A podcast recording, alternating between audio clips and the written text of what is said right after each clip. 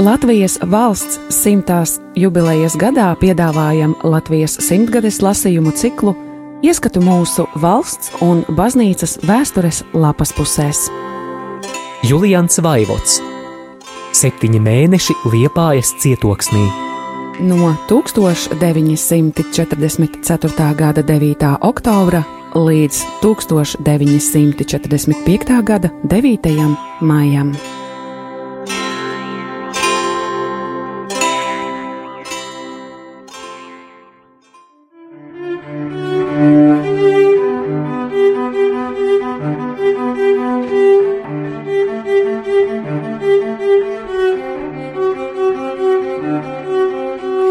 1945. gada 17. februārī.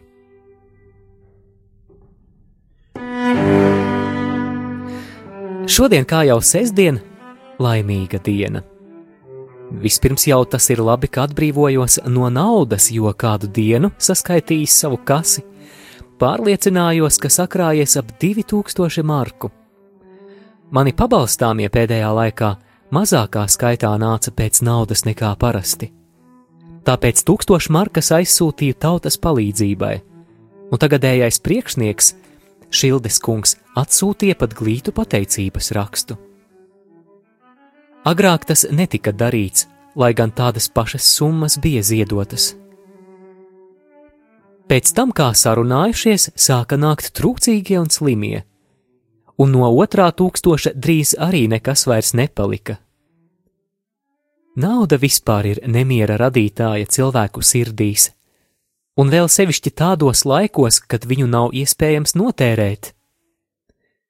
Nu bija panākti divi labumi - pašam miers un citiem arī kaut mazs prieks.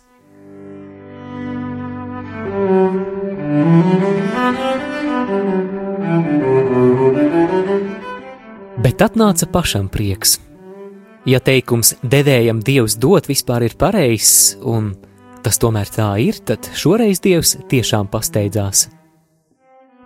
Pats jau nu viņš gan tik nopietnos laikos ar tādiem sīkumiem neies krāmēties. Priekš tā ir Dievam labi ļaudis. Arī šī gadījumā ar tādu labu cilvēku izlīdzējās. Atnāk kāda sieviete un lūdz garīgus pakalpojumus kā atlīdzību atnesusi dažas labas mantiņas. Starp tām arī pudelis spirta. Ļoti atvainojās un taisnojās, ka iedrošinājusies to darīt. Tagadējos apstākļos, kad cilvēks no saaugstēšanās attiecīgu zāļu trūkuma dēļ var pat nomirt, tāda manta vairāk nekā noderīga. Nomierināju viņas bailes un atturīgi pateicu, ka tas jau savā reizē ir vajadzīgs. Tā jau vien prasījās uz mēles citi vārdi, kurus tomēr labajai sieviņai neiedrošinājos pateikt, bet papīram tos gan varētu uzticēt, un proti, ja es nebūtu katoļu mācītājs un tu drusku jaunāka, es tevi par to dāvanu nobučotu. Jo vairāk vēl tāpēc, ka starp atnestajām mantām bija arī tabaka.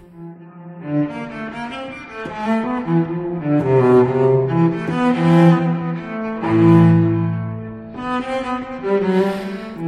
Mūslaiku kultūra vēsturniekam no svara būs zināt, ka cilvēki tagad tā paraduši visiem amatniekiem maksāt ar naturālijām, ka pat mācītājam pareizēm tādas atnes.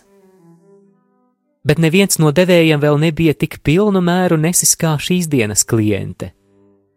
Man bija piemēram gadījums, kur par paciņu vācu tabakas un dažiem pēdējās šķiras cigāriem uzlika pienākumu, ko es tikai trijās dienās varēju veikt un tā bija mana triju dienu alga. Saprotams, ka pārvēršot to mantu naudā, kad paciņa tabakas maksā jau 80 marku, tas nebija maz. Bet naudai jau tikai tāda vērtība, kāda viņai pirktspēja. Tāpēc, rēķinot šīs mantas miera laiku cenā, tagad trijās dienās jāiztiek ar kādiem 60 centīmiem. Agrāk pat bezdarbnieks par nekā nedarīšanu saņēma vienu latu dienā, un par to varēja nopirkt veselu kilogramu sviesta. Rakņādamies pa arhīviem, piemēram, izlasīju, ka 18. gadsimtā katoļu mācītājiem kurzemē, kā vispār materiāli sliktākā stāvoklī esošiem, Citas bīskapijas piedāvājušas ticīgo nodomā turēt svētās mises upurus par 25 krievu kapēkām. Ņemot vērā, ka dienā mācītājs var turēt tikai vienu tādu dievkalpojumu, atlīdzība izliekas niecīga. Bet, ja ņem vērā kapeikas pirktspējas tanīs laikos, tad augstāk minētā mana atlīdzība par triju dienu darbu tiešām niecīga. Rakstu to ne jau tāpēc, ka gribētu sūdzēties, jo vēl nekur nav dzirdēts, ka kāds mācītājs būtu badā nomiris. Jo mazāk vēl tas var notikt ar katoļu garīdznieku, kā cilvēku bez ģimenes. Pie tam poļu sakām vārds apgalvo, ka kšenzu ivļeše pšiņeše. Mācītājam pat mežā pienes. Poļi taču ir katoļu tauta, un viņiem savi ieradumi vislabāk zināmi, tāpēc arī minētam sakām vārdam jātic.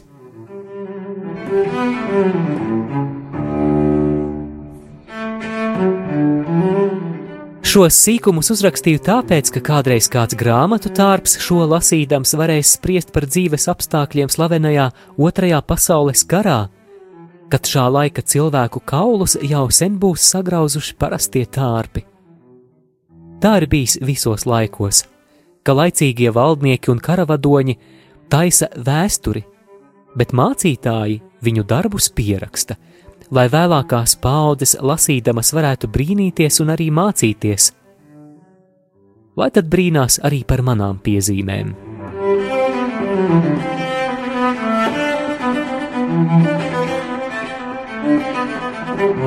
Thank you.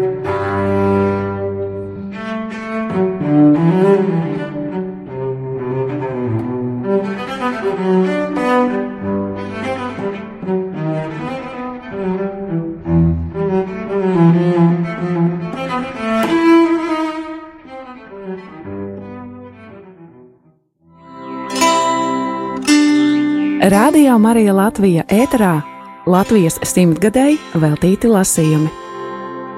Julians Vaivots Septiņi mēneši Liepājas cietoksnī.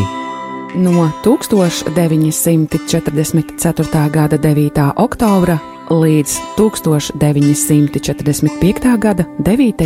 maijam.